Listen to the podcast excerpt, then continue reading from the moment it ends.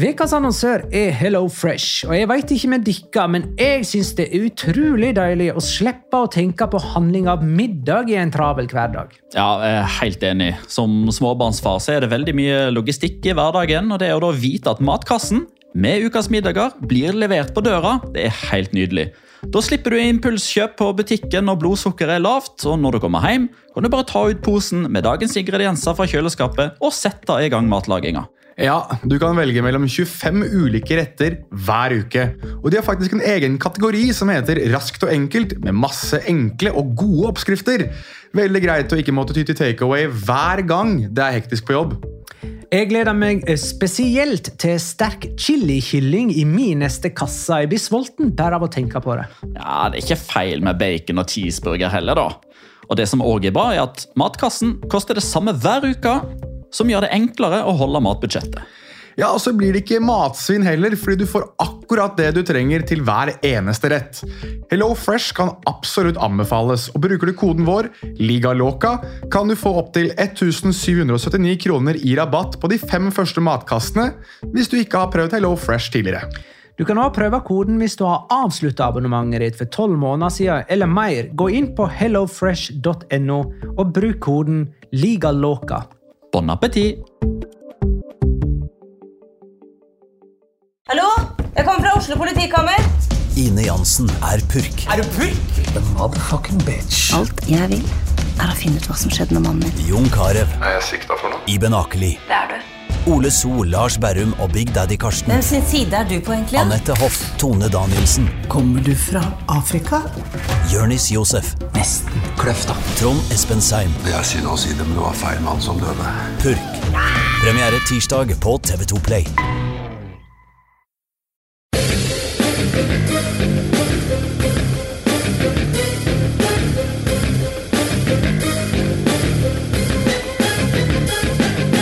Har du sett? Spillere som skårer på to forskjellige datoer i én og samme kamp. Keepere som lobber ballen over motstanderens spisser. Miniklubber som spiller sin første toppkamp og vinner. Spillere som spiller på tidspunkt de vanligvis sover. Messi som skyter over muren og under muren nett som han vil. Ah, La Liga er i gang. La liga loca. En litt gærnere fotball. La Liga-sesongen 2018-2019 er i gang, og um, vi er i gang igjen med ordinære episoder i La Liga Locca med meg, Magna Kvalvik, hei. Og deg, Jonas Giæver, hei. Hola! Og deg, Petter Wæland, hei. Hallo, hallo, hallo. hallo. Eh, kort oppsummering av første runde. Hvilke inntrykk sitter vi igjen med etter å ha sett ni av ti kamper? At eh, det ikke nødvendigvis alltid lønner seg å ha ballen mest i eh, La Liga. Det er kanskje den første trenden som jeg har lagt merke til. Eh, og så er jo spørsmålet om noen kan nærme seg Lionel Messi, nå som Cristiano Ronaldo er borte. Det svaret tror jeg er nei, med tre store blokkbokstaver. Eh, og så er det gøy å se at, uh, at Rayo Vallecano er tilbake igjen med grenseløst naivt forsvarsspill, selv om de ikke trenes av Paco Remes. Jonas?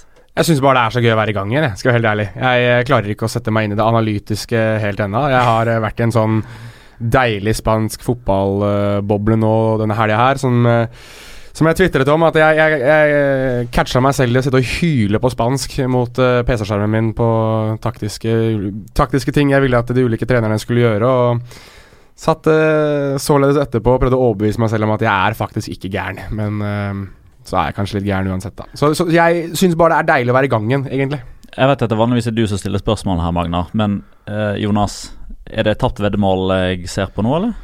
Nei, det er egentlig ikke det. Jeg uh, har bestemt meg for at jeg skal prøve å proklamere litt grann, uh, innimellom. For å gå, gå litt med Jeg synes det er kult når du har uh, supporterklubber, norske supporterklubber som, som støtter spanske fotballklubber. For de som lurer, jeg sitter nå i eh, Real Madrids norske supporterklubbs eh, T-skjorte. Eh, og jeg har i dag snakket med i hvert fall én annen supporterklubb, om de kan sende meg noe også. Så hvis du har en, en supporterklubb og dere har noen effekter som dere vil at jeg skal gå i, så gjør jeg mer enn gjerne det, uansett hvilken klubb det er. Synes det er moro og gøy at det er så stort engasjement for spansk fotball i Norge. At det er eh, voksne hele tiden. Og jeg vil gjerne være en del av det uansett hvilket lag jeg heier på. Det er ikke Real Madrid, det vet alle. Har du òg kløpt deg og uh, styla skjegget for å ligne enda litt mer på Borbalas? Um, nei, jeg har vel egentlig styla skjegget og klippet meg fordi jeg skulle se nydelig ut på TV. uh, men uh, far og jeg vi er jo ganske nydelige begge to, så jeg vil jo Hvis, hvis du syns at jeg ligner på José Bordalas enda mer nå, så må jeg nesten ta det som et kompliment. Tusen takk, Magnar. Nei, det, uh, jeg refererte til det som et forsøk på uh, å ligne ah, ja, nei, ja, jeg kan godt kalle det Men det er godt nok. Du ligner litt, faktisk. Takk skal du ha. Uh, vi har nettopp sett Valencia Atletico spille 1-1. Akkurat nå pågår Atletic mot Leganes. Det står 0-0 etter 20 minutter. Og Ellers har dette vært en runde der de to storkanonene Real Madrid og Barcelona har vunnet ganske safe. Mm -hmm. uh, I tillegg så har det blitt mye snakk om uh, hvorvidt La Liga faktisk skal spille seriekamper over dammen i USA, nærmere bestemt. Dette og mer av til er ting vi kommer til å diskutere i denne episoden av La Liga Loca. Men jeg tror vi begynner med Valencia Atletico Madrid. 1-1. Er ikke det litt typisk at Barcelona og Real Madrid får grei skuring i heimekamp i første serierunde, mens deres to potensielle utfordrere, Atletico og Valencia, må møte hverandre, spille uavgjort og dermed havne bakpå med en gang? Og fire og et halvt minutt ut i den første sesongepisoden så kom konspirasjonsteori nummer én. ja, Nydelig. Det er akkurat sånn det skal være. det. Men Var det noen andre enn meg som så den kampen? Har dere sett det der bildet, den giffen som noen legger ut når Spiderman står og peker på Spiderman? At, de er, at det er ganske likt, at de er helt like? Tenker du på to, to spillere Nei, altså nå, her tenker jeg på Valencia og Atletico Madrid. Og at lagene, ja. Ja, det var litt sånn Spiderman peker på Spiderman. Jeg satt og så ja, på sånn, den kampen her uh, i dag. Jeg synes at det var to lag som utlignet hverandre veldig uh, Veldig greit. Jeg synes de var ganske jevne jevnspilte i banespillet, og de to målene som kommer, er jo individuell briljans som, som uh, skaper furore og ødelegger for motstanderen. Så jeg, jeg synes det var to veldig jevnspilte og hvem er det Godt trente lag. Hvem er det som står for den individuelle briljansen, da, tenker du? Grismann, f.eks.? Ja, ekstrem uh, pasning av Grismann. Da alle forventer at han skal skyte, og du kan nesten se hele Valencia kaste seg i baneretningen der han skal skyte, så bare vipper han ballen, eller uh, snor den gjennom til Angel Correa, som uh, Uh, ser ut som han har trent på avslutninger uh, i sommer, for der var en var kyla avslutning inn i hjørnet der. Vanligvis hadde han enten banka den midt på netto eller til side for mål eller et eller annet sånt noe. Mens uh, altså innlegget Jeg husker ikke hvem som slo innlegget først, men, men den touchen til Daniel Wass er jo ja. På skåringen til Valencia? Ja, på skåringen til Rodrigo Moreno. Vass som legger inn til Rodrigo. Vassist, som, ja. som vi kan begynne å kalle det. Ja, og selve skåringen til Rodrigo. Da, altså, Rodrigo. Ja. Rodrigol, ja. Nei, det er veldig Og der er det jo Altså Hvis du ser på den sjansen en gang til, så ser du ballen har jo en sånn halsbrett som vanligvis Så hadde vi av normal fotballkaliber, holdt jeg på å si, da hadde sikkert banka den godt over mål, mens han klarer å få da foten over ball, eller, eller på jevn, jevnsnitt med ball, og klarer å dunke den i mål istedenfor. Jeg syns den er så estetisk fin, skåringa. Altså ikke, ikke nødvendigvis uh, det at han demper ballen på brystet, ikke nødvendigvis det at han skyter på halsbretten, ikke nødvendigvis det at ballen går uh, nesten opp i nettaket, men det samsvaret mellom det som skjer på gresset og det som skjer på tribunen. Fordi akkurat det som skjer da, du, du bygger liksom forventning fordi det er et angrep. Og så får du enda litt mer forventning fordi ballen kommer inn i 16. Og så får du enda litt forventning fordi Daniel Wass spiller ballen til Rodrigo Mareno. Og så får du den lille eh, Altså det lille halvsekundet da man ikke veit om det er Rodrigo eller eh, Stefan Savic som når ballen. Da er publikum allerede på vei opp fra stolene, og de står nærmest og liksom bare venter på å få lov til å slippe jubelen løs. Og så banker han den inn så hardt, og alle bare slipper følelsene fri. Det er deilig. Skal vi snakke litt om styrken til Atletico etter å ha sleget Real Madrid i Uefa supercup onsdag, og så spille 1-1 eh, i kveld da, mot uh, Valencia på uh, Mestalla. Det er to beintøffe kamper som de får ganske mye ut av, tross alt.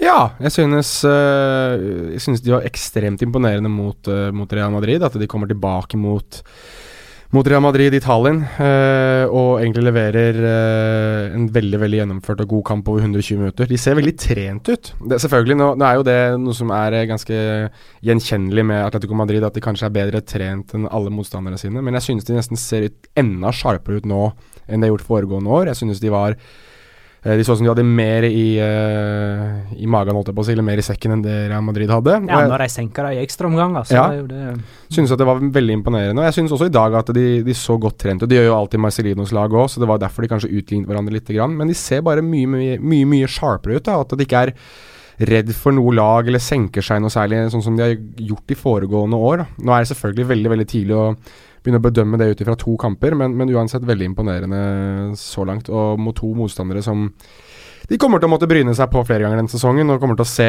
både over og under dem på tabellen eh, etter hvert utover sesongen, tror jeg. Syns de ser håper jeg, like solide ut som de har gjort eh, tidligere. Og så håper jeg at eh, jeg håper for Atletico Madrid sin del at det ikke tar så veldig lang tid før eksempelvis Thomas LeMar kommer i gang. Eh, man så det tidvis mot eh, Real Madrid, litt sånn utover i andre gangen før han ble bytta ut på overtid, var det vel. Så, så begynte man liksom å se at han ble litt mer trygg på seg sjøl, ble litt mer involvert, ba om ballen og sånne type ting. Mot Valencia så syns jeg han, eh, han var litt i overkant anonym eh, til hva han bør være, eh, etter hva han har prestert for Monaco tidligere og prislappen. Eh, jeg savner litt mer iver og selvtillit og, og det ønsket om å vise seg fram umiddelbart. Se på Jelson Martins når han kom inn. Det, det, er, noe, det er noe helt annet som skjer når, når han kommer inn nå mot Valencia. Var du imponert over Jelson Martins? Ja, Var du det? ja, ja. ja. Jeg syns han var utrolig frisk. Er du seriøs nå? 1-0 til Atletic. Ja. Kan vi få en, kan vi få en kommentere det her, da? Nei, vi trenger ikke kommentere at Atletic har gått opp i 1-0. Vi finner straks ut hvem som har skåra. Men, eh, så dere er ikke helt uh, enige dere imellom om uh, Martins og hans innflytelse på spillet til Atletico. Det kan vi bare finne oss i. Eh, Men var Du Du satt og så kampen, du. Kan ikke du si jeg noe? syns han så frisk ut, ja. Gjorde Men, det? eh, Ja, fordi at uh, Yes. Jeg tenker at han hadde jo ikke så mye tid på seg til å liksom få sette sitt preg på kampen, og at uh, han utmerka seg med noen detaljer. Men det var en periode der Atletico faktisk jaga seiersmål. Og jeg satt egentlig og tenkte at begge lag var ganske fornøyde med uavgjort, tross alt, i denne kampen. Men det så for meg ut som Atletico var mer ivrig på å få det seiersmålet, helt til de til overtidsminuttene da Gameiro faktisk hadde en Ja, og Vass hadde en stor det, var, det var en eh, periode der sånn fra typ 85 som- og utover at det var veldig mye strekk i laget, og Ja. man ble sliten. Men jeg fikk nesten følelsen av at eh, Valencia fikk kontringsmuligheter Ja.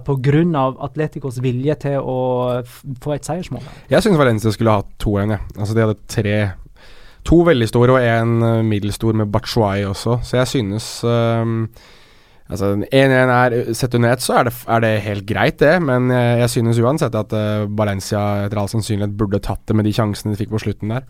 Men jeg bare si jeg er veldig veldig overraska over at dere syns Jelson Martins var god. Men jeg skal ikke si noe mer på det. Jeg, eneste, eneste jeg tenkte på, var det at det, da jeg så han, første jeg tenkte, var at han må ha hatt poster av Gervinho på veggen sin som liten, altså. Han må Altså, jeg fikk så ekstremt sånn det var julevisper når han tok overslagsfinter og fikk liksom ingenting til, og det virket bare helt Altså, selvfølgelig, det er early days, men jeg var sånn Hva er det her for noe, da? Men ok, vi, vi Jeg får si at jeg er i overkant pessimistisk, men det har vi kanskje lært oss å kjenne på denne podcasten. Atletico har aldri tapt første serierunde under Diego Simione, som går i gang med sin åttende strake sesong som Atletico-trener. Det har ingen gjort før. Men de spiller mange uavgjort. Det gjør de. Det gjorde de forrige Dette er femte gang av sju, da. Fordi han typ den åttende sesongen han kom inn halvveis i den første, da, så er den syvende sesongstarten, og fem av sju har endt uavgjort første serierunde. Eh, det har jo òg vært mot nyopprykka lag tidligere, Alaves og Girona, de to foregående sesongene. Så således er jo dette her et, et step up. Eh, og Resultatet i seg selv er jo ikke dårligere enn hva det var eksempelvis forrige sesong, hvis man skal liksom se hva Atletico Madrid gjorde denne sesongen og sammenligne med det de gjorde forrige sesongen. Eh, for de spilte 0-0 på Mestalla forrige sesong. Således så reiser de derfra med samme antall poeng. Eh, men det er klart at når, eh, nå, nå har jo i hvert fall jeg lagt veldig mye forventninger og forhåpninger og eh, Jeg skal ikke si at jeg legger press på de, for det, de driter i hva jeg sier. Men, men jeg, jeg setter litt mer krav til Atletico Madrid, da. Og jeg vil at nå, nå skal de virkelig begynne å underholde litt mer enn hva de har hatt for vane å gjøre. For hvis man ser litt sånn stereotypisk og svart-hvitt på det, så underholder Barcelona og Real Madrid mer. Skulle bare mangle. Eh, men nå når vi, vi var jo inne på det i den sesongvurderinga og tabelltipset og hinta litt framover at vi syns Atletico Madrid ser mer sexy ut enn noensinne. Mm. Ja, vis det, da. Det savna jeg litt grann i kveld. På 1-0 så ble de litt sånn Litt fallende tilbake til gamle synder om at de ville ikke nødvendigvis gå etter 2-0. Det var litt mer sånn safety first. Slutt med det der. Tallene, Der, derimot Men der var, det på kun, der var det kun på ett tidspunkt at de leda 3-2, og da kom 4-2 bang i ekstraomgangene rett etterpå. Ja. Da, da rakk de nesten ikke å få den eh, type uh, altså, Og da var heller ikke Simione på, på benken, da var det Bodø-Gås. Så jeg er usikker på om Simione rakk å gi beskjed gjennom uh, iPad eller iPhone eller hva det var for noe om at nå, nå må vi, vi safe inn 3-2 før 4-2 satt der. Men 1-1 da, mellom to lag som har potensial til å være der oppe. Atletico skal egentlig være der og kjempe, eller utfordre Barcelona og Real Madrid. Jeg syns vi så tendenser til at Valencia eh, ligger på omtrent det samme nivået som forrige sesong, men eh, de trenger litt mer tid til å få finstudert. Barcelona, Alaves 3-0. Lionel Messi skjøt først over muren. Det funka ikke. Da traff han bare tverrligger. Senere skjøt han under muren. Det gikk mye, mye bedre. Eh, og så kom Coutinho inn og la på til 2-0 før Messi økte til 3-0. Eh, Geir Halvor Kleiva spør Tror vi om at Coutinho kan bli en av disse bærebjelkene til Barcelona i år? I fjor var det vel Messi om til ti og Ter Stegen, mener han da. Han må jo bli det, med prislappen eh, Prislappen sin og den posisjonen han spiller, og den, den spilleren han på mange måter skal erstatte, som er Andres Iniesta, så må han jo eh, bli det, tror jeg. Og jeg synes at man ser mer prov til det nå. Han er mer Han vil snakke litt om Jelison Martins i forbindelse med dette, men han, vil ha, han vil ha ball, han oppsøker situasjonene, han tør å gå på egne raid, han føler ikke at han alltid må gi fra seg ballen til, uh, til andre. Så har da Leganes utlignet til 1-1. Uh, men uansett eh, selv om mange av de blir himle med øynene til meg her nå, og i forbannelse over at jeg sier det. Så La, jeg la meg bare nevne at det var 19 i odds på at Jonathan Silva skulle skåre mål.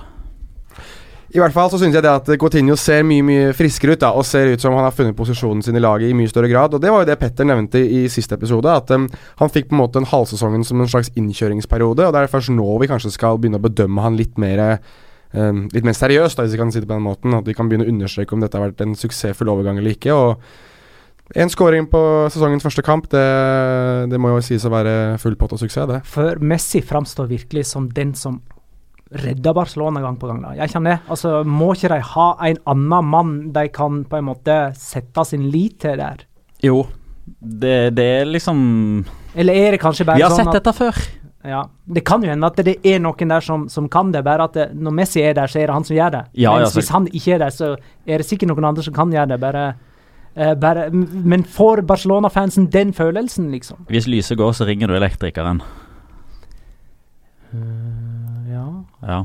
Eh, Hvis Barcelona trenger skåringer, så er det Lionel Messi som kommer og trapper opp. ja, for nå tenkte jeg at hvis er elektrikeren ikke kan komme, hva gjør du da? Nei, da må du jo prøve å få en Google. snekker eller noe sånt til å komme, da. Eller kanskje håpe at en nabo eller noe sånt tilfeldigvis har lært dette på andre måter. Men, men Barcelona har jo blitt sånn. Man snakker om den Messi-dependencia. Altså, det er jo en grunn til at det uttrykket fins.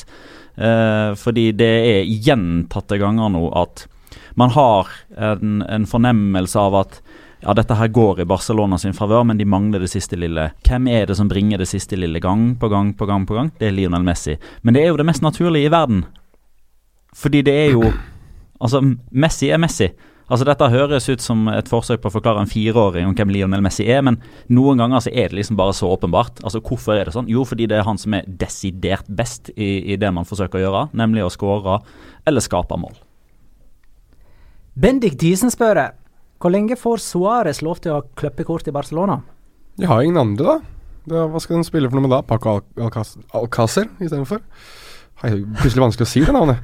Yes, uh, Men finnes det ikke alternative konstellasjoner, sånn som f.eks. å ha Messi som en falsk ni, og eh, Malcolm og Dembélé Ja, tenker at jo, jo, men, jo, jo, men det Jeg husker ikke i farten hvem som spurte meg om det, men det, det var en på Twitter som liksom kom med den Med det tankesettet der, da. Men liksom, er det umulig at man på et tidspunkt kan få se Dembélé på, på, venstre, Malcolm på høyre og Messi i midten som en type falsk nier. Med Coutinho, med eh, ja, enten Rakitic eller eller Arthur Melo eh, med Busquets som anker. Altså, det blir jo på mange måter en 4-3-3, det òg. Bare at Messi eh, da overhodet ikke er noe spiss i ordets rette forstand. Eh, men akkurat det, akkurat det, med Luis Suárez, eh, det er en veldig sånn, jeg kaller det polariserende debatt. Fordi da har du, i løpet av en kamp, da, eh, så kan man ved 10, 15, 20, kanskje 25 anledninger fullstendig mista fatningen, hvis man er Barcelona-supporter, over hvor ræva Luis Suárez kan være underveis. Med balltap og noen ganger med hoftefeste og noen ganger med pasninger som ikke ligner grisen, og, og, og hårreisende bommer som man ikke var vant til å se fra han, eh, fram til et tidspunkt der han plutselig begynte å brenne mye. Men så går det en 10-15 minutter til, og så skårer han jo eller assistere Messi og sånne type ting. Så På den ene sida så har man en spiller som, som, helt åpenbart ikke har like gode tekniske ferdigheter som Messi, som Coutinho, eh, som Busquets eh, og sånne type ting. Jeg mener eh, Sergio Busquets er en av de bedre tekniske fotballspillerne som er i, i sin rolle. Men på den andre sida så har du få som er så flinke til å være en irriterende faktor for motstanderen, som skaper trøbbel og ubalanse bare ved å være der, bare ved å være en kødd. Hvis du snur litt på det også, så er han også ekstremt innbitt i det defensive arbeidet som spiss. Altså Han er en av de absolutt aller beste defensive spissene i verden, og det er jo eh, for Barcelona som skal presse høyt og vinne ballen høyt igjen, så er Luis Suárez ganske essensiell for det, for det første presset. da. Uh, det er litt sånn som det vi har sett med Atletico Madrid, at de fikk nesten en ny dimensjon i laget sitt når de fikk tilbake Dio Costa, for han er kanskje den beste defensive spissen i verden. Så det er litt Han gjør litt mer enn bare det å være, være målskårer. Holdt jeg på å si at mål er kanskje litt uh, overvurdert når det kommer til Luis Suárez, men uh, Men nei, jeg, jeg, føler at han gjør en jobb som på veldig mange måter understreker hvorfor han har posisjonen sin, da, uh, og da spesielt defensivt. Så men samtidig, vi, vi, hadde, vi, hadde, jo en prat her for uh, ei ukes tid uh, tilbake, ja. uh, off the record, der du på en veldig fin måte liksom beskriver Juanmi, Javier Hernandez, sånne type spillere. da. Ja. og men, men typ, forskjellen fra Juanmi og Luis Suárez da, det er at han ene spiller for Real Sociedad. Han andre spiller for Barcelona, ja. og der kommer kravene. Der kommer forventningene til at alt skal liksom sitte på første touch og ved første forsøk og ved første anledning uansett. Mens mm. Juanmi der er liksom sånn Ja ja, taper han ballen ti-tolv ganger, så, så, gjør han liksom opp for det, fordi én scoring er Kall det litt sånn mer verdt for de altså Sociedad-supporterne enn Barcelona-supporterne. fordi er det noe de er bortskjemt eh, med, så er jo det å få mange skåringer i sin favør. Barcelona, ja. Mm. ja. Jeg er helt enig med deg. Jeg er helt enig. Arthur, ser ikke han egentlig ut som en eh, Han er jo den som bærer uh, drakt nummer åtte. Han så spennende ut, altså. Ja, han ja, gjør det. Ser ikke han ut til å faktisk kunne fylle Iniesta-rolla, om enn ikke på samme nivå? Det går litt fortere med han enn en med Rakitic, og, oh, ja, sånn. og, og tidvis Tidvis òg med, med, med, Iniesta. Men altså, Iniesta har jo noe gudbenåda ved seg som gjør at selv om det ved første øyekast ikke ser ut til at det går så veldig fort, så bare gjør han et eller annet som gjør at han plutselig er helt alene allikevel. Mm. Akkurat den dimensjonen har ikke Arthur, men han, han, virker som at han er ekstremt kjapp i huet. Ja. Uh, og det skriver jo òg de som følger brasiliansk fotball, og de som dekker Barcelona for Sport og Mono Deportivo, og, og, og de som, som, så alle treningskampene, de som satt oppe eh, på, på, natta og til dels morgenen for å se dem mot, uh, mot Roma blant annet, og sånne type ting. Da la jo liksom umiddelbart merke til dette her med hvor fort han distribuerer ballen videre. Mm. At han kan ta taktpinnen ikke i nærheten av enda på samme måte som Chavi, men det er en begynnelse på noe. Jeg er helt enig. Syns altså, synes jeg det er litt interessant da, når vi i disse dager når vi snakker om brasilianere som blir kjøpt som 16-17-åringer og kommer når de er 18, så har liksom Arthur Melo ventet til han er 22 da, med å komme over. Kanskje det er en slags oppskrift på hvorfor det Han ser, i hvert fall i begynnelsen nå, da, så ser han ut som han er bare mye mer komfortabel med tempo, med det at han skal ha ball, med hva jobben hans er. Selvfølgelig så er han kanskje mer utpreget i i den rollen, for han har hatt den i, i brasiliansk fotball en stund. Men, men, samtidig så er det noe litt mer voksent over han, litt mer eh, erfarent. Og det er mm, nesten noe som man kanskje har glemt litt i det store og det hele når vi snakker om Rodrigo Gaus og Venicius Junior og supertalenter som skal til, eh, til Europa fortest mulig. Real Madrid Getafe Hvor mye ble det der? 2-0. Inntrykk etter midnattskamp på Santiago Bernabeu. Jeg vil ha ditt inntrykk, for jeg syns du sa noe veldig interessant på Twitter om, om Gareth Bale. At han så helt uh, vanvittig innbitt ut på at han skulle gjøre det bra. Ja, jeg uttrykte meg kanskje ikke så sterk. Jo, han er på hogget, det var det jeg skrev. Uh, for han eh, virka tent. Uh, det virka som han vil noe. Det Mm. virka som han vil ta den rolla han på en måte har blitt gitt etter Cristiano Ronaldo. Jeg er helt enig. Eh, involvert i begge mål. Ja. Han var nest siste Real Madrid-spiller på eh, skåringen til Carvajal. Ja, ja. Og uh, så siste Real Madrid-spiller på sin egen skåring. Han hadde jo en fin involvering og, eller en fin målgivende i supercupen. Mm. Ja, det er Benzema. Uh, hva, hva skal vi si, var dette en kamp Det jeg lurer litt på med Real Madrid denne sesongen her, Ja. i fravær av Cristiano Ronaldo Jeg er så enkel uh, som det. Altså, har de den derre evna da, til, å- til å vinne kamper uten å overbevise, sjøl mot god motstand, som de har hatt i mange år med Cristiano Ronaldo, fordi at de har Cristiano Ronaldo? Det spørs jo litt hva Gareth Bale gjør, da. Ja, ikke sant? Det, det er egentlig Ja, svaret. Det, det- kommer an på Gareth Bale. Ja, men det, det gjør faktisk det. Eh, nå eh, har jeg selvfølgelig klart, klart, å rote, eh, rote vekk det, eh, men jeg skal prøve å huske så godt jeg kan. Det var eh, en, um, en spansk variant av Oppda, altså ikke, ikke Oppda HC, det er jo bare den spanske varianten av det, men, men noe som ligner på, eh, på Oppda, som holder på med statistikk. Eh, Fotball Avanzadas, eller noe sånt tror jeg det var. Som hadde rangert de 100 beste spissene i, eh, eller de 100 beste angriperne i Europa fra forrige sesong, alt etter hva de hadde levert. Og så hadde de sammenligna egenskaper og det de foretok seg på banen, med Cristiano Ronaldo. Og den spilleren som var nummer tre på den lista over hvem som ligner mest i måten man oppfører seg på banen, eh, rommene man oppsøker, hvor mange skudd man har per antall spilte minutter, eh, bidrag offensivt, bidrag defensivt, sånne type ting. Nummer tre Gareth Bale. Så de konkluderer med at den erstatteren som de driver og leter etter, eller som folk vil at de skal lete etter, har de allerede. Det var nummer én. Det rakk jeg ikke å registrere. Okay. Jeg, jeg tror faktisk ikke de skrev hvem det var engang. Fordi de var Typ fokuset deres var at hallo, dere har han. Bare bruk han sånn som dere brukte Cristiano Ronaldo, så blir alle problemene løst. Det blir selvfølgelig ikke så enkelt, men eh, jeg syns det, har vært, eh, det har vært noe spennende over Gareth Bale eh, ganske lenge nå. Men som jeg har påpekt tidligere, ja, det kan hende at han får en viktigere rolle. Det kan hende at han trives med større ansvar, større press, større status, eh, trer ut av skyggen, sånne type ting. Men han blir ikke fri for skader bare av den grunn. Så det er jo store, det store aberet. Forblir han skadefri?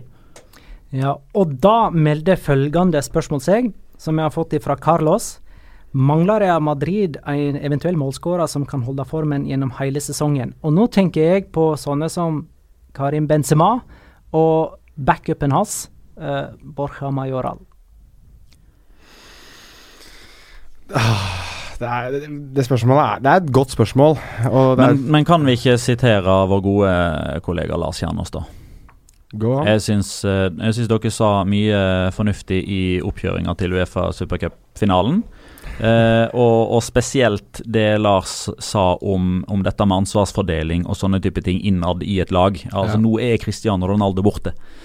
Han er ikke der lenger. Eh, det Real Madrid veldig forenkla har gjort, er å se etter han. Eh, når de har hatt ballen, når de har vært i angrep. eh, Uansett om det er etablert, om det er dødball, om det er overgang. De har sett etter Cristiano, Cristiano Ronaldo, fordi han skal i utgangspunktet da være sist på ballen. Det er han som skal avslutte, fordi det gir størst skåringssjanse, mener da Real Madrid. Og det har jo historien, i hvert fall i Champions League, vist at har lønt seg. Men nå er ikke han der lenger. Hvem er det de ser etter da? Jo, Det kan hende at de ser etter Benzema i stedet for at det eneste han skal gjøre, er å tiltrekke seg oppmerksomhet og skape rom for andre. Det gjorde han jo på 2-0. Det gjorde han på 2-0. Eh, og eh, det gjør at de eh, ser på, eh, på Cristiano Ronaldo Nei, på, på Gareth Bale. Eh, det gjør at eksempelvis da Sergio Ramos får skåre enda mer i løpet av en sesong, for nå skal plutselig han ta straffer og sånne type ting. Det er ikke sånn at Cristiano Ronaldo er borte, og så er det ingen som kommer inn og spiller venstrekant. Det gjør at Marco Ascencio får mye mer spilletid og sånne type ting. Men det er klart at i utgangspunktet, ser man svart-hvitt på det, så er det jo et enormt tap for Real Madrid. Men det kommer eh, altså spillere inn og, og gjør den jobben og får det ansvaret. Og, eh, og spesielt Karim Benzema tror jeg kommer til å, å, se ut som en helt annen spiller. Bare med, altså, bare med tanke på heatmaps og sånne type ting, da for å være inne på sånne statistikkting. Altså Heatmappet til Karim Benzema forrige sesong eh, det var jo Altså Hvis du la hans heatmap oppå Cristiano Ronaldo sitt Så hadde ikke endret seg så mye på Cristiano Ronaldo-heatmappet? Hadde ikke det. Det hadde ikke det. Georg Rossebø spør eh, Laveste tilskuertall hos Real Madrid på ni år. Blir de bekymra av sånt?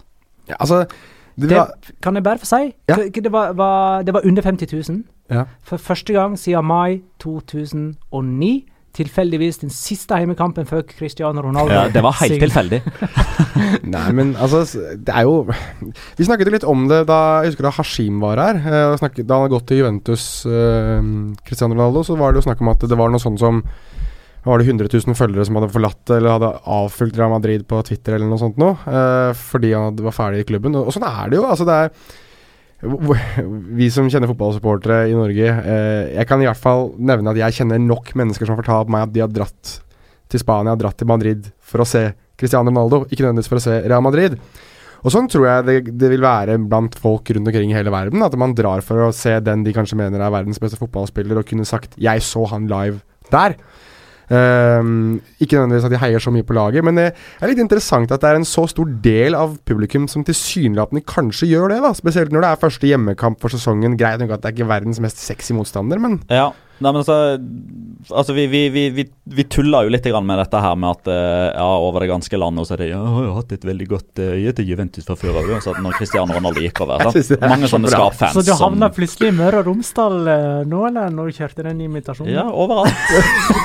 I det ganske land. Eh, men ja, Cristiano Ronaldo er en åpenbar Altså, Jeg la ut fire grunner eh, på, på, Twitter som jeg liksom mente forklarte. Ikke unnskyldte, men forklarte. Og så kom eh, vår alles kjære Mats Ska med nummer fem, eh, som han eh, hadde plukka fra Mr. Chip. Eh, og, og, nummer fem var jo da Cristiano Ronaldo, fordi det var det laveste antallet siden denne hjemmekampen mot Mallorca i 2009. Før etter Cristiano Ronaldo. En helt åpenbar link som vi ikke skal glemme. Samtidig så er det jo Det blir så veldig mye lavere av andre årsaker òg, som vi ikke må glemme. Det er liksom ikke bare sånn Ja, her hadde det vært 84 000 hvis Cristiano Ronaldo hadde spilt.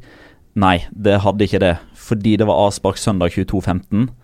Eh, august, det er den, den store feriemåneden i Spania. Da, da er det nesten tomme gater, bortsett fra turister som igjen ledes over på dette Cristiano Ronaldo-sporet. Det er ikke like mange altså det, det, er sikkert mange turister i Madrid, men alle drar ikke da for å se Real Madrid fordi Cristiano Ronaldo ikke er der. Mm. Det er heller ikke en sexy motstander. Sorry, Retafe, men det er liksom ikke det er ikke Hamon Iberico, for å si det sånn.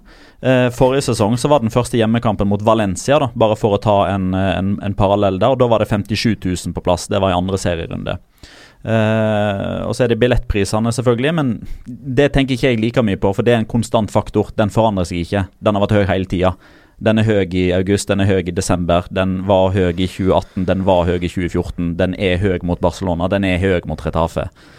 Uh, så det er en sånn sammensatt forklaring på hvorfor det er sånn. Uh, utover i september-oktober, da tenker vi da, da får vi i langt større grad svaret på hvor stor denne Cristiano Ronaldo-effekten er. Nå har vi sett eh, en tendens, en litt sånn urovekkende tendens, kanskje, for Real Madrid. Men eh, det er òg andre forklaringer inne i bildet, sånn som jeg ser det. Så de fire forklaringene du kom med, de passer jo òg inn til, i Barcelonas tilfelle. Eh, Seint eh, avspark eh, samme måned. Eh, Heller ikke sexy motstander? Heller ikke sexy motstander. De møtte Alaves. Eh, og der var det drøyt 50 000 som i deres tilfelle er halvtomt eller fullt. Eh, alt, alt etter hvordan man uh, ser det. Uh, men der tenkte jeg, der lurte jeg litt på om den femte grunnen kunne være at fansen rett og slett ikke identifiserer seg like mye med dette Barcelona-laget som de har gjort i foregående år, som f.eks. under Guardiola. At de har mista litt feelingen med det her laget her. At det kanskje ikke er helt deres lag lenger. Ja, ja. Jeg ser Ja, både ja og nei. Um, Det blir egentlig bare en teori som får henge der, for det at vi har ikke svar på sånt. Eh, nei, nei vi har ikke det, men det er jo, det er jo fint å, å kunne drøfte litt rundt det, men jeg ser på deg at du har lyst videre. Ja, jeg har litt lyst til å videre. Uh, for uh, apropos uh, profiler og sånt for Real Madrid, da. ehm, de har ikke kjøpt eh, noe stort uh, denne sommeren, og Shayan Jalilyan vil at vi skal ta en sånn her yay-nei-greie. Gjør Real Madrid flere signeringer? Yay. Yay. Yay! Ja, men så bra, da er vi enige om det. Jeg syns så synd på Jeg blir veldig glad i Shayan Jalilian, for jeg, jeg forestiller meg at han er den Du vet de personene som folk snakker om som sitter og trykker FM, FM, FM, FM, FM på én ting for å, å håpe at det, kommer en bekreftelse på en overgang. Jeg kan se for meg han står opp og ja, lager seg litt frokost og jeg vet ikke, en kopp kaffe og litt sånn, og så setter han seg foran PC-en sin og så bare FM, FM, FM, hele dagen, bare for å håpe at det kommer et eller annet nytt. Men eh, fin fyr, virker det som. Bidrar med mange spørsmål eh, i La Liga Loca. Det kan vi like. Det Vi går vi. videre til eh, øvrige kamper fra den første serierunden. Girona Valladolid 0-0. Og slik ble altså sesongen 2018-2019 sparka i gang. Vi hopper videre til kamp nummer to i runden. Real Betis Levante 0 Bloody 3. Eh, og da kan vi i samme slengen ta Rayo Vallecano Sevilla 1-4. Og spørsmålet til Jonathan, eh, Johannes Alin. Er årets eh, utgave av Sevilla undervurdert? Og er årets utgave av Real Betis overvurdert? Hva svarer jeg på først eh, da, egentlig? Eh, vi kan ta Sevilla først, da, syns jeg. Det er, Ok. For det, det er kanskje det, det morsomste her. Serielederen. Serielederen ja. Eh, altså vi så jo Vi, vi var veldig skuffet over, over Sevilla i fjor, både måten de oppførte seg på utenfor banen, kanskje mest hvordan de presterte på banen. Uh, altså uh, Jeg synes uansett at det Sevilla-laget her, hvordan de opptredde på i første kamp under Paolo Machin, det er det beste Sevilla-laget jeg har sett siden Jorge Sampaoli.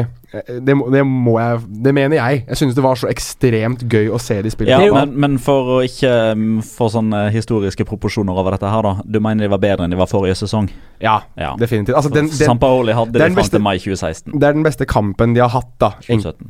Ja, den beste enkeltkampen de har hatt siden eh, de hadde Bedre enn under Berizzo, Montella og Caparos. Ja, så det er jo da tre trenere som ikke har fått det, fått det til like bra. Men jeg synes de klarte å kombinere uh, altså kjapt kont uh, pasningsspill, kontringsspill, bredde i, med disse vingbekkene sine. Jeg syns det var veldig gøy å se Franco Vasques. Jeg syns han var ekstremt eh, vir Virket bare sånn veldig spillesugen og var litt sånn, Rick Rikelme-esk over et par av de tingene han gjorde, bl.a. den ene pasningen til, eh, til den fjerde skåringen. Um, og så André Silva, da, som skårer tre mål i debuten sin. Førstemann siden Romario, som skåret uh, i sin La Liga-debut i 1993. Jeg holdt på å si den ekte Romario. Men eh, det er vel bare én Romario, ikke det? Da Romarinho, som spiller i uh, ja, Corinthians. ikke- er en, Eller spiller i Corinthians, i hvert fall. Ja, eh, Romario debuterte med hat trick i 93-94-sesongen. Ja, riktig. Da var jeg ett år gammel. Og André Silva skåra to mål uh, for eh, Milan hele forrige sesong. Ja, men uansett, bare for å gå tilbake til, til Sevilla, da. Altså, de, de så bare så ekstremt Det var gøy å se dem. Det eneste jeg synes de manglet, var liksom De mangler litt punch sentralt i banen. Jeg synes at det, når når pasningsspillet gikk så fort som det gjorde, så, så var det innimellom hvor det kanskje ikke var så nødvendig, men jeg synes tidvis at det, de kanskje burde hatt noe mer robust uh, sentralt i banen. Uh, Gonalons er jo klar nå, så det kan jo være at han er en sånn type. Og så er det jo Vi går jo alltid bak til Sander Berge, men det hadde jo jeg tenkte jo med en gang at det hadde vært gøy å sett han der, for jeg tror han hadde kunnet utfylle det litt eh, for Sevilla, slik jeg så det i første kamp. Men eh, ja, skal de holde på sånn denne sesongen her, så kan jeg i hvert fall si at Paolo Machin ikke var et blaff, eh, og at eh, Kanskje vi, vi ser begynnelsen på en av de ledende trenerstjernene i Europa de neste ti årene. Ja, og så har han òg Han har gjort en liten endring eh, sammenligna med det han holdt på med i, i Girona. For der, der var det i, i bunn og grunn en ganske straightforward 3-5-2. Eh, Sevilla, er det mer 3-4-2-1. Ja, de har to spillere Pablo Sarabia Ja. og Franco Vasques. Det de er egentlig to spillere som har mer eller mindre fri rolle. Ja. Som beveger seg akkurat der de vil, både offensivt og defensivt, fordi man da har altså bak Sarabia og, og Franco Vasques, bak de to mediepuntene som vi kan kalle dem for, da, så har de fire mann. Ja. Og bak der igjen så har de tre.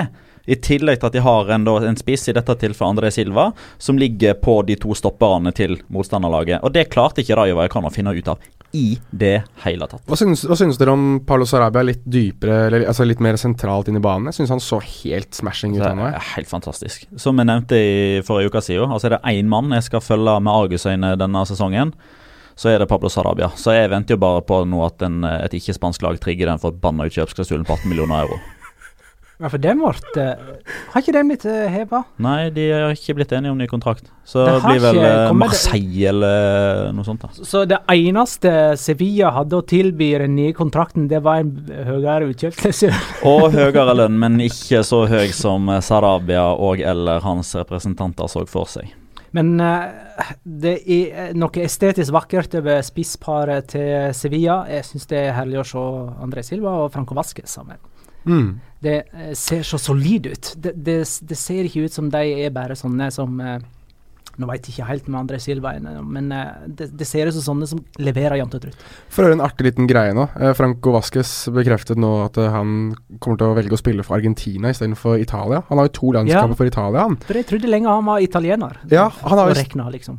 Italiensk mor og argentinsk far, men nå snakket han med argentinsk presse, tror jeg, etter denne kampen her, hvor han har sagt at han har snakket med Scaloni, som er den som er da midlertidig argentinsk trener, har sagt at han gjerne vil spille for, eh, for Argentina, og det skal være et positivt svar tilbake. Så vi kan fort få Franco Vasques eh, som en sånn spiller som har spilt for to landslag, da. Real Betis Levante altså 0-3. Eh, en eh, monumental Real Betis-svikt. Tradisjonen, tru. Nydelig. Når det begynner å se positivt ut, da vet du at det kommer en ørefik rundt neste hjørne. Eh, det er noen Men- som har gjort eh, masse poeng ut av eh, Levante under Paco Lopez. Nå, siden, han har, siden han tok over i, i vår, så har de altså spilt tolv seriekamper og tatt i snitt 2,3 poeng. Det gir over en sesong 87 poeng. Kanskje vi glemte de når vi drev og diskuterte seriegull. Kanskje det er de som er undervurdert. Men uh, bare sånn, altså no, noen ganger Noen ganger så lyger fotballresultater. Det, det gjorde det i, i denne kampen her. Det det. Eh, og, jeg, og jeg føler liksom Real Betis kollaps hjemme første serierunde, det er så typisk. Men vanligvis når noe sånt skjer, så blir liksom uh, da, Vanligvis, da, eh, hvis Real Betis hadde tapt med 3-0 så hadde det vært etter liksom sånne grove personlige feil, og man hadde sett at de liksom hadde liksom gått litt i oppløsning, og at planen ikke lenger framstår som en plan og, og, og litt sånn. Jeg syns derimot at Real Betis altså, de så ut akkurat sånn som de gjorde forrige sesong. Bare at nå i begynnelsen av sesongen her så har de en del nye spillere som helt ikke kjenner hverandre og sånne type ting. Altså William Carvalho var inne og gjorde en ok innsats eh, defensivt, men han sinka det offensive spillet.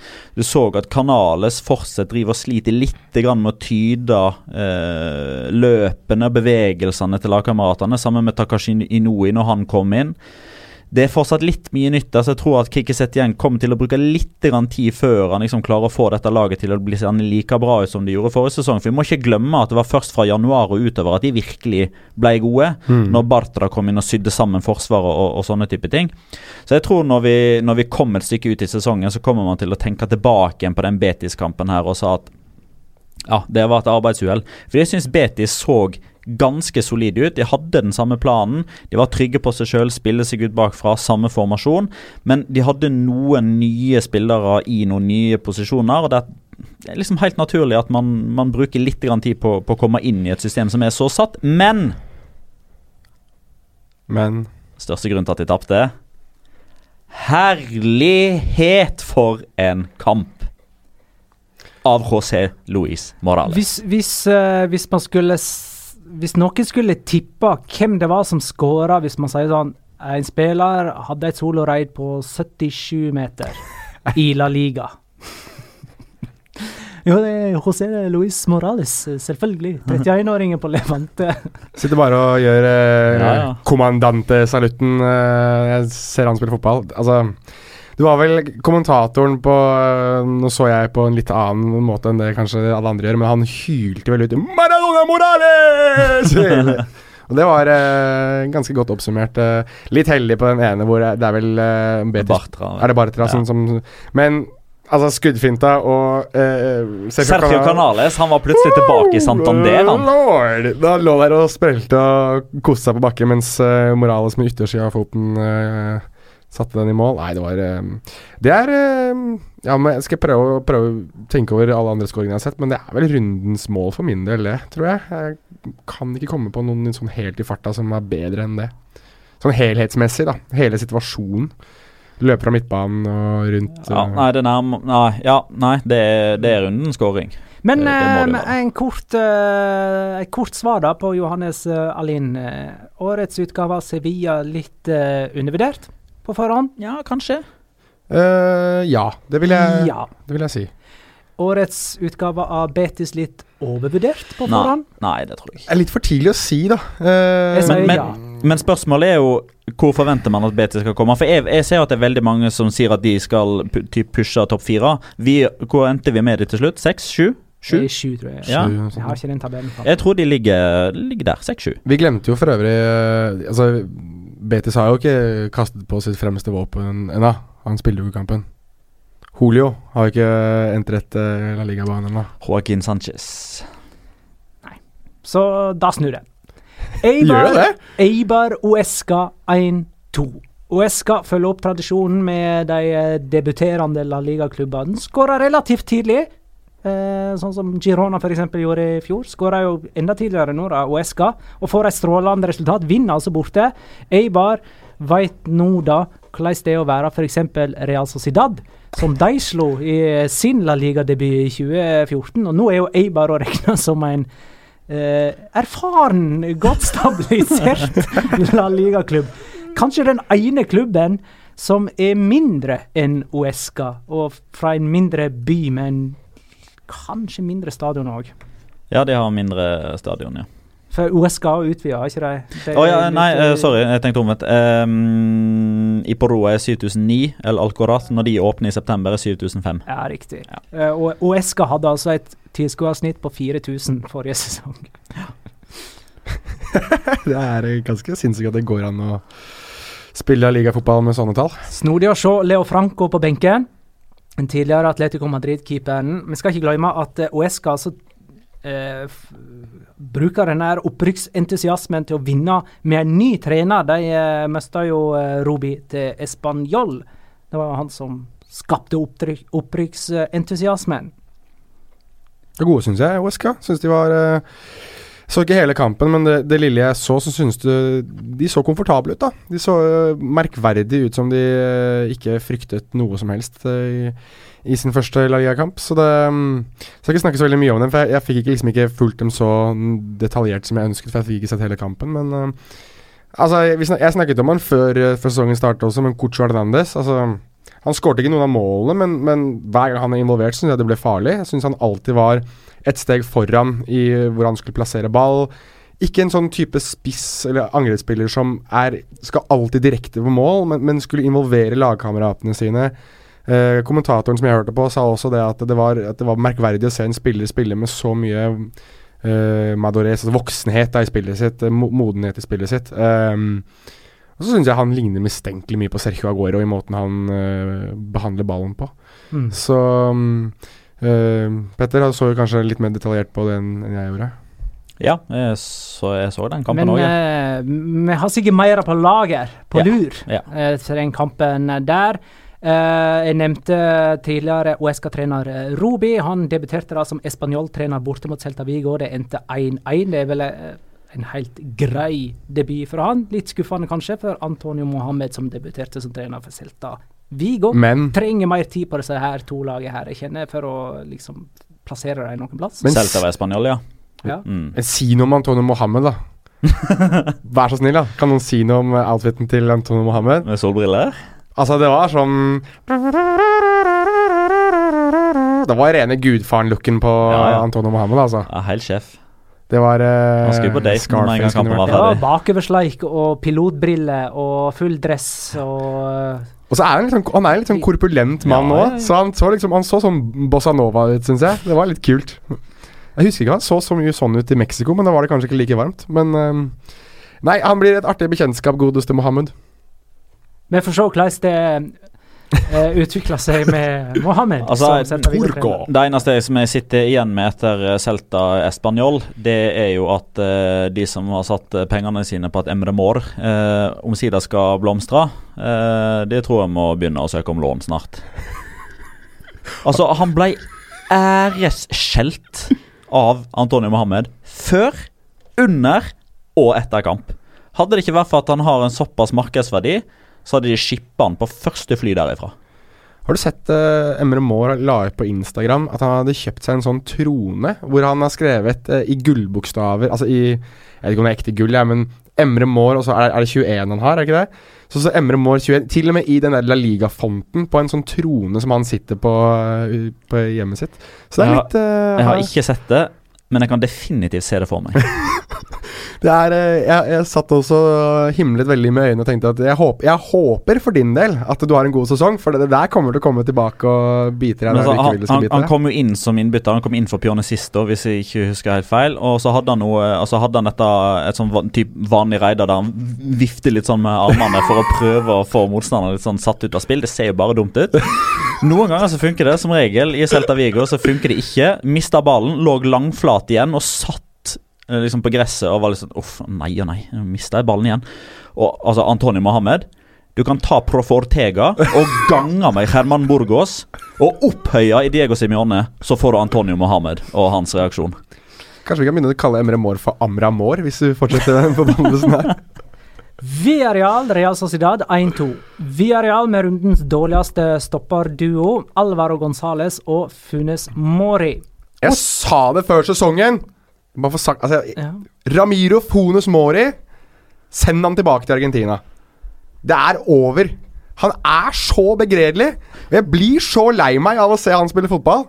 Jeg klarer ikke Fonus Mori en hel Men sesong. det, men det er så Det er Maurizio Lemos all over again, altså. Ja, men det, men det er jo et sånn paradoks, fordi defensivt, altså i rein Altså ut ifra det han presterte som forsvarsspiller, så var han strålende. Ja, for så vidt. Men Og her kommer mennet. ja, det er så stort, Han det med klarer jo ikke Han klarer jo ikke å sende en pasning tilbake til egen keeper engang. Nei, jeg, jeg, jeg kan godt være Altså Han har den der fysikken og, og, og en del den duellstyrken som du kanskje ønsker i en, i en midtstopper, men gud hjelpe meg, altså jeg blir så lei meg av å se han spille fotball. Jeg blir så ekstremt lei meg, for at eh, litt sånn som med, med Maurizio Lemo, som egentlig Der er det jo ingenting å hente. Det var jo ingenting å hente på slutten der i Las Palmas, men det er et eller annet med det der potensialet som du nesten kan se at har vært der, eller er der et eller annet sted, men de får det bare nettopp ikke tatt ut. ut den i, i den argentinske landslagstroppen. Ja, og det kanskje forklarer hvorfor Argentina gjorde det så ekstremt dårlig i VM når han skal inn i troppen der. Altså, gule drakter og midtstoppere er tydeligvis ikke Tydeligvis ikke tommel opp i La Liga disse sesongene. her, For han ved siden av han var heller ikke akkurat god den kampen her. I hvert fall ikke på andre skåringa til Real Sociedad. Casorla, i en alder av 33, spilte sin første tellende kamp siden 19.10.2016, nesten to år. Ellers kan vi jo si at det var en god eh, debut for eh, tidligere Leganes-trener uh, Asier Garitano, nå som Real Sociedad-trener, med borteseier. Kan lett løfte Real Sociedad opp fra 13.-plass. Bør vel kanskje det òg. Ja, og Det man la merke til rent taktisk der, det var jo den lagoppstillinga. Eh, da fikk altså alle de som har fulgt Real Sociedad i oppkjøringa, alle som jobber i Diaria Vasco, de som jobber i Cadena Ser, Euskadi og sånne type ting, eh, fikk jo store øyne når de så, så den lagoppstillinga. Og det var ikke nødvendigvis fordi man tenkte at wow, dette er offensivt, dette er kult, dette er sexy. Men det var, han tok en Simione, enkelt og greit. Det var fire sentrale midtbanespillere som ble lina opp. Eh, Ruben Pardo litt ute til eh, høyre. Så var det vel Iaramendi og, og eh, Assi Ja, det var Iaramendi og Mikkel Merino. Og så var det vel Igor Thobeldia, hvis jeg ikke husker feil, som lå liksom bredt ute til venstre. Og så Mikkel Oyartabal som, eh, som bevegde seg veldig fritt foran der. Og så da Selvfølgelig William José. Skårer han ikke 1-0, så skårer han i hvert fall 1-1. Han Ja. skårer det første for Real Sociedad. Nettopp. Otto Lillebø skriver Magnar har i siste året varsla om en katastrofe for Villarreal. Kan kampen mot Real Sociedad tyde på at han har rett, og at publikum på Estadio El Madrigal, eller La Ceramicara, eh, må lide seg gjennom en bunnkamp denne sesongen? Ser du, Petter? Folk der ute er i ferd med å se hva som skjer. Ja, nå skjer det. Jeg har fått med meg eh, folket. Eh, Høsten 2018 største bløff. det som kommer til å skje, vet du, er at de ligger på sånn 17.-18.-plass etter 28 runder. Og så Og så sparker de trener, og så berger de seg. Men hvor lenge, ja, hvor lenge kan de gå den syklusen der? All right. Ei eh, ny spalte i eh, La Liga Låka før uh, sesongen. Iallfall prøver vi oss på det, etter litt sånn tips der utefra. Vi plukker ut en uh, spillerprofil etter hver uh, runde.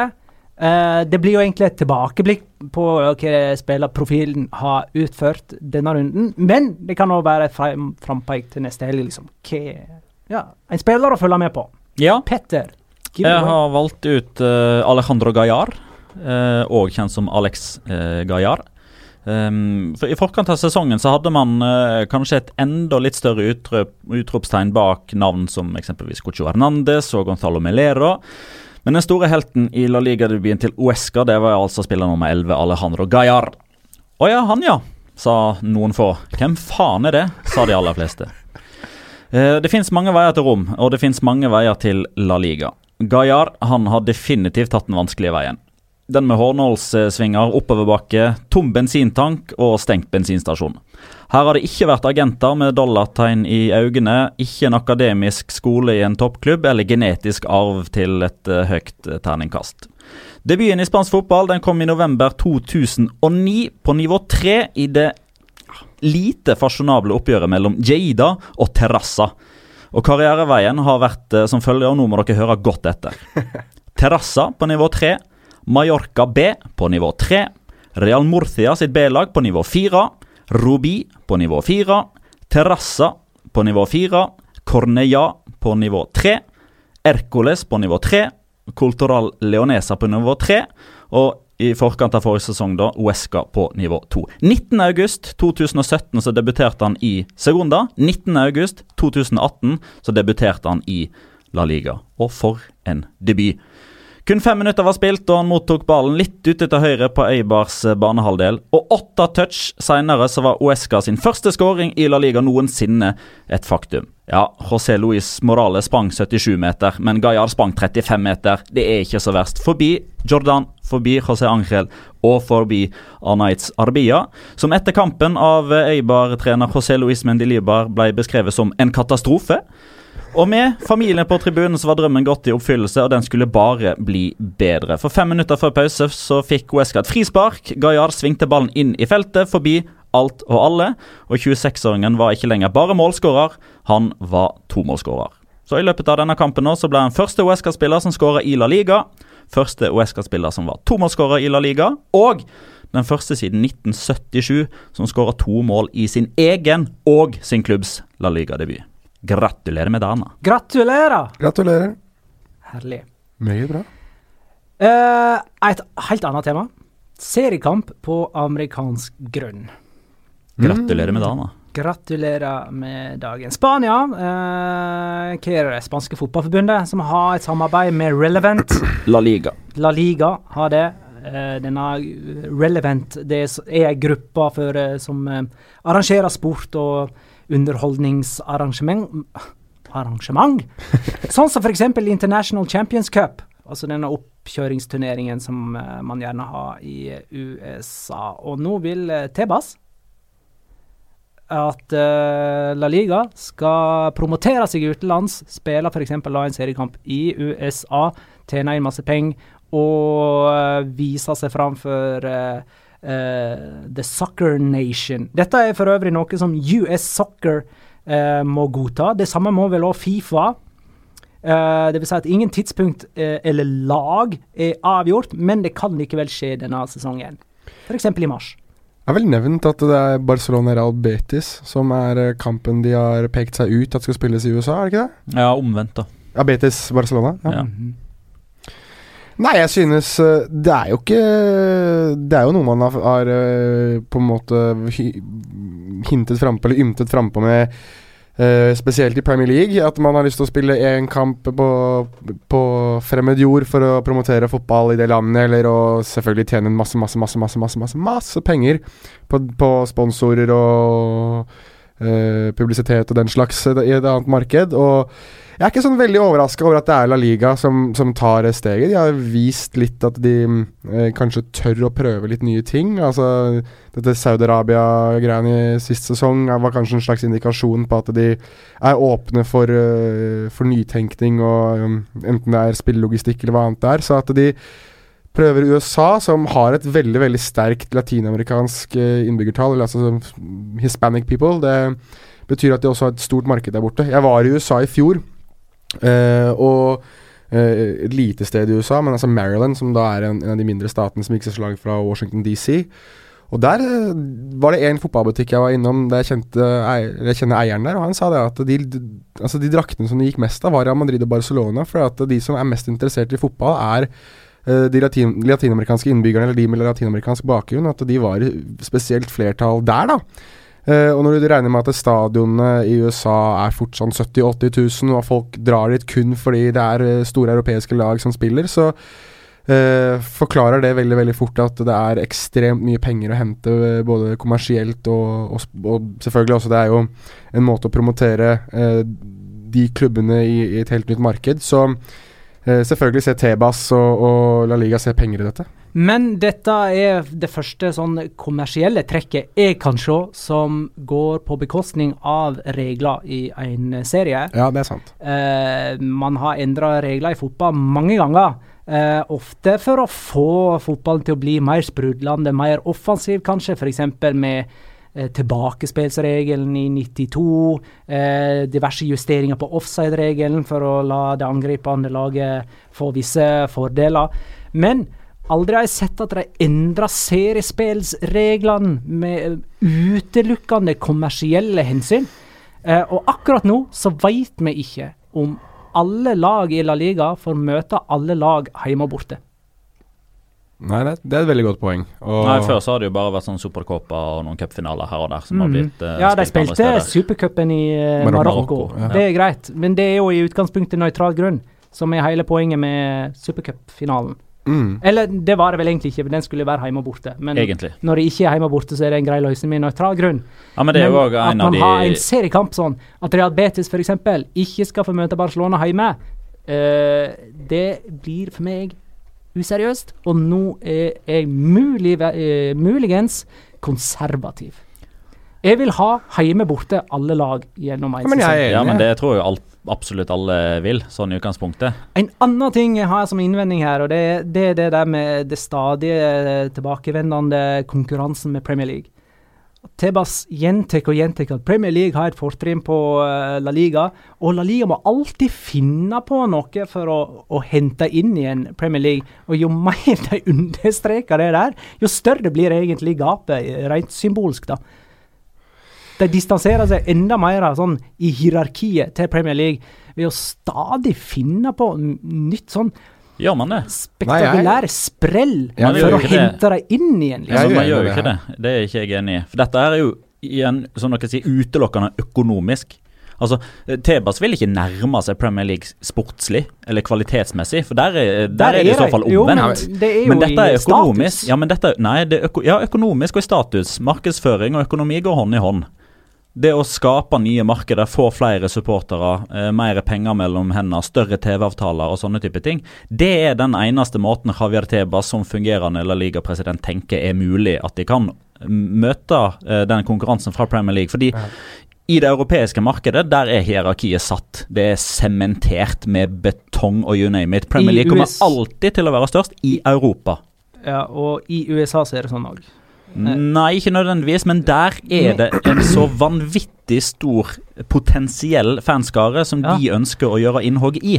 Men altså, det at Premier League har avtale med NBC, mens La Liga har avtale med Bean Sports, som ikke når ut til halvparten av uh, befolkningen engang, mm. uh, men det, det utgjør en veldig stor forskjell litt rettighetsmarkedet i USA. Ja, men det handler litt gjennom at det, det er Altså, i, i, de store byene, da, New York, Boston, uh, til dels Washington DC uh, dette, er jo, dette, er jo, byer som historisk også har italienske, uh, irske, engelske forfedre, som da også har på en måte en tilhørighet til de, de nasjonene og de landene på bakgrunn av der de er fra.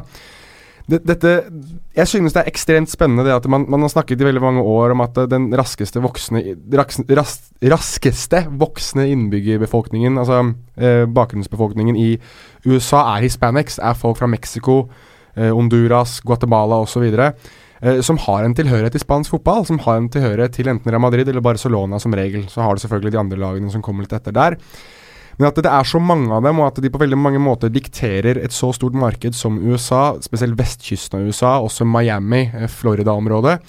Der er det en gullgruve å hente for La Liga. En gullgruve for et potensielt nytt marked, og det ser nok Tebas. og jeg synes det er riktig jeg faktisk av Tebas å i det hele tatt prøve å, å, utforske det markedet. For Asia igjen, der er vi tilbake på at Premier League dominerer Asia, og det vet Tebas. Da tar vi ikke og drar dit. Da drar vi heller til der det kanskje er et potensielt nytt marked, som er det amerikanske markedet. Og det er de nye innbyggerne og den nye, den nye befolkningen i USA som kommer fram nå.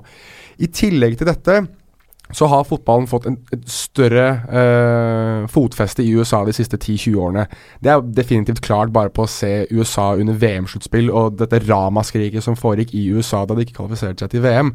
Det betyr mye plutselig, det å ha fotball og være, være gode i fotball i USA.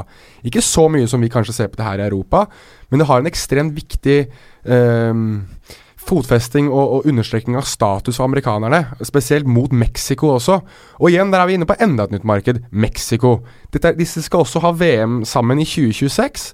Selvfølgelig vil La Liga prøve å ha størst mulig status og størst mulig oppmerksomhet mot sin liga og mot sitt publikum, når de vet at dette er en nasjon og en, og en verdensdel som kommer til å stå og riste i eh, ja, fire-fem år, da, både før og etter Qatar-VM, fordi de vet at de selv skal arrangere mesterskap.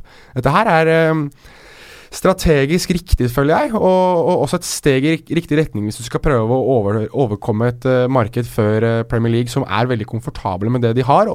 Rettmessig så, for at de har så mye penger, men, men Tebas er litt føre var, og prøver i hvert fall.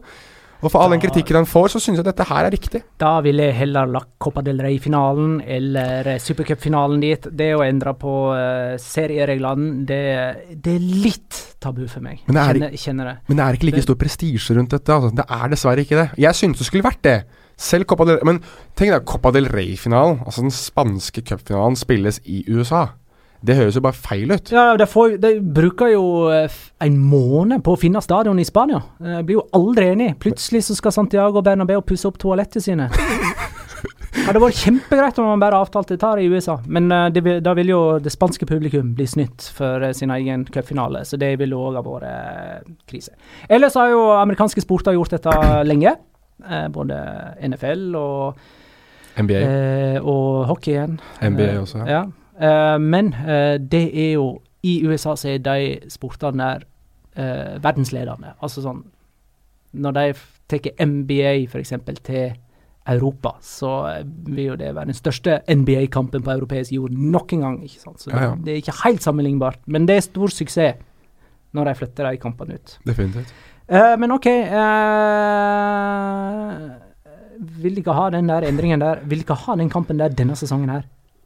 Jeg er ikke imot det. Jeg, uh, ikke det greit å få satt sånne premisser før sesongen begynner, i det minste? Det er jeg enig i. En klar kamp som OK, vi går videre til Locora.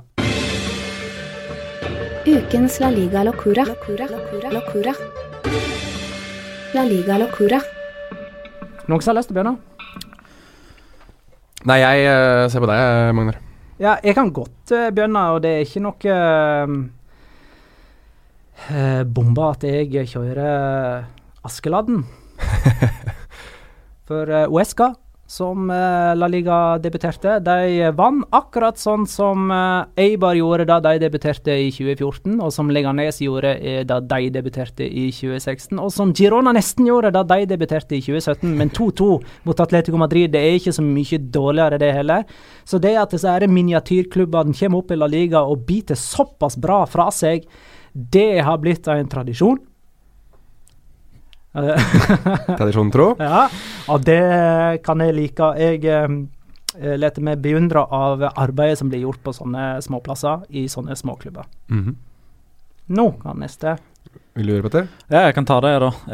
Um, Justin Spain. Uh, noen ganger så skjer det ting der som ikke nødvendigvis uh, skjer så ofte andre steder, av uh, ja, egentlig ganske naturlige årsaker. Eksempelvis at det er få andre land som, som starter en kamp på et tidspunkt som gjør at man eh, da eh, spiller kamp på to eh, dager. Altså kampen er ikke ferdig før etter midnatt. Nei. Ehm, og da fikk man jo faktisk ikke bare én, men to ganske så smått utrolige episoder der én spiller i én og samme kamp skårer på to forskjellige dager. Har det skjedd før? Lurer du? Det første først. José Luis Morales, eh, fredag kveld. Eh, og eh, skal vi si da eh, natt til eh, lørdag, eller lørdag grytidlig morgen, eh, skåra han. Så følger Lionel Messi opp dagen etterpå. Og det fører meg over på spørsmålet ditt har det skjedd før. Ja, Messi har faktisk gjort det før. Det var i Supercopa i 2011 mot Real Madrid. Da starta den kampen 23-0-0, og da skåra han i første og andre omgang. Eh, men det mest spesielle tilfellet, som, eh, som er Det er bortimot umulig å toppe. Abel Aguilar i oppgjøret mellom Saragossa og Deportivo i 2011. Colombianeren? Ja. Eh, han, han gjorde det samme, men den kampen starta på søndag. Og slutta på mandag. Så han skåra i samme kamp i to, forskjellige- forskjellige uker. Oi! yes. Og det, men det var dessverre ikke månedsskifte. Åh, det har vært så gøy, det. Årsskiftet. Åh, den kan vi faktisk uh, få i den uh, tredje serierunden. Månedsskifte, mener du? månedsskifte fordi fredag eh, 31. august så er det avspark mellom Villarreal og Girona klokka ti. Så hvis man får litt bytte, litt drikkepause, litt skade, litt var, så kan det hende at den eh, kampen går inn i 1. september. Eibar Real Sociedad eh, også, for øvrig. ser jeg. Ja, så har vi dobbel mulighet. Så det er faktisk to muligheter til det. Uh, nei, min, min uh, jeg, jeg, har, jeg har gått gjennom ganske mange ulike som jeg hadde lyst til å ta, men, men det er én som jeg selvfølgelig at ingen av oss har tatt, så jeg må sette litt presedens og ta den, og det er VAR. Nå er VAR i La Liga. Og av alle ligaer jeg hadde trodd at skulle introdusere det, så hadde jeg trodd at eh, La Liga hadde vært den siste av de eh, virkelig store ligaene rundt omkring i Europa. Men vi har fått VAR, og jeg syns det er like gøy at du har ett rom der det sitter folk ikledd dommerkostymer eh, eller dommeruniformer og ser alle disse situasjonene. Og disse sitter ikke i en buss engang. De sitter på et kontor, ser det ut som. De sitter på et kontor i Madrid, vel. eh, og Ja, det er sitter hos forbundet. samme rommet hver gang som blir vist før kamper. Jeg syns det er kjempegøy. Og de blir alltid presentert under ett minutts stillhet. Eller klubbhymner. Ja, men i hvert fall, vi, vi vet jo at de er tilstedeværende. Men locoraen min er kanskje litt også hvilken dommer som har gitt det første VAR-målet, eller VAR-avgjørelsen, og det er jo Antonio Mateo Laos. Som selvfølgelig var den jeg trodde ikke skulle gi VAR overhodet. Jeg trodde han skulle være altfor stolt til å ville høre på noen andre enn stemmen i sitt eget lille hode. Men nei da. Han ga både én og to VAR-fordeler, eh, eller VAR-rettinger. Eh, første på en scoring som først ble avvinget for offside. Det var vel første mål til André Silva, var det ikke det? Eh, Ja, i alle fall Sevilla. mot- Ja, det var det tredje. Det var hat tricket. ja, ja, for det var, det var eh, vippen inn fra Franco Vasques. Eh, og så var det da straffen som eh, Adrian Mbarba satte i eh, mål. Eh, der måtte han da Da ga han først frispark utenfor boksen. Så fikk han beskjed av VAR om at eh, avgjørelsen Eller fellingen har skjedd innenfor. Og rettet på til straffespark. Han så Men- ikke på skjermen engang. Nei. Nei, men der har vi en litt sånn formildende omstendighet. For jeg vil si at påstanden din fortsatt står. Fordi dette er objektive vurderinger. Det er ikke subjektive. Matheo Lahosa har ikke sagt sånn Greit, jeg dømmer straffe. Han får rett og slett bare beskjed om at Hei, du, den var innenfor. Det er straffe. Men det er uansett gøy at det er han som ja, har ja, ja, ja, beskjed absolutt. av alle dommere i La Liga. Men han gjorde jo òg om en avgjørelse i VM. Jo da, ja, for all del. Han, han, har jo, han har jo vært i sentrum med tanke på VAR før. Men Nei, han, synes, han virker å like videodømming, syns jeg. Jeg synes Det ser ut som han eh, Det er gøy å få disse beskjedene og få avgjørelsene rekke til. Men det er jo litt gøy når vi, når vi går tilbake i historiebøkene da, om 10-15-20 år og spør hvem var første som dømte ga en VAR-avgjørelse i La Liga, så er det liksom Det er Antonio Mateo Laos som popper opp der. Det er jo ganske moro, da. Ja. Det er fint. Det var en eh, fin, positiv avrunding, det, Ja. på eh, denne La Liga Loca-episoden. Uh, det er 20 minutter inkludert tillegg, sånn cirka, igjen av Atletic Leganes. Det står eh, 1-1. Aritz Doris gikk av med strekk, dessverre. Så spørs om ikke gamlefar livet. eh, For Spørs om ikke gamle far må legge opp nå. Kan jeg komme med samme appell som jeg kom med i starten av episoden? At uh, til alle Jeg sitter jo i denne da flotte Real Madrid supporterklubb-T-skjorta.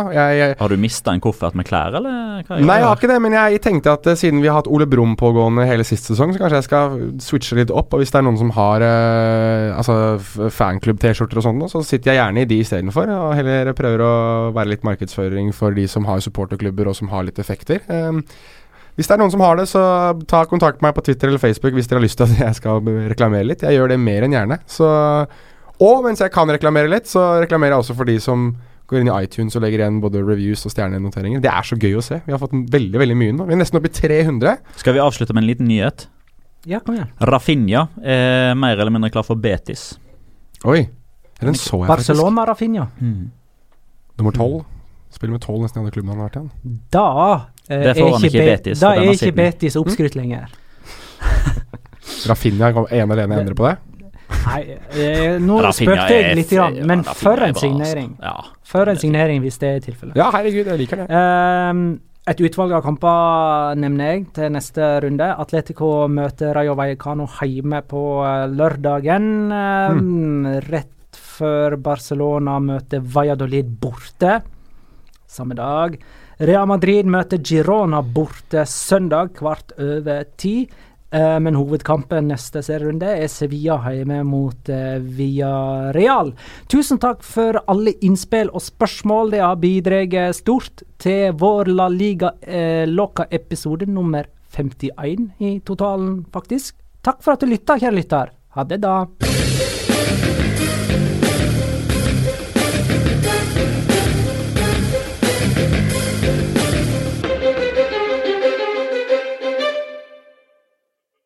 Har du et enkeltpersonforetak eller en liten bedrift? Da er du sikkert lei av å høre meg snakke om hvor enkelt det er med kvitteringer og bilag i fiken, så vi eh, gir oss her, vi. Fordi vi liker enkelt. Fiken superenkelt regnskap.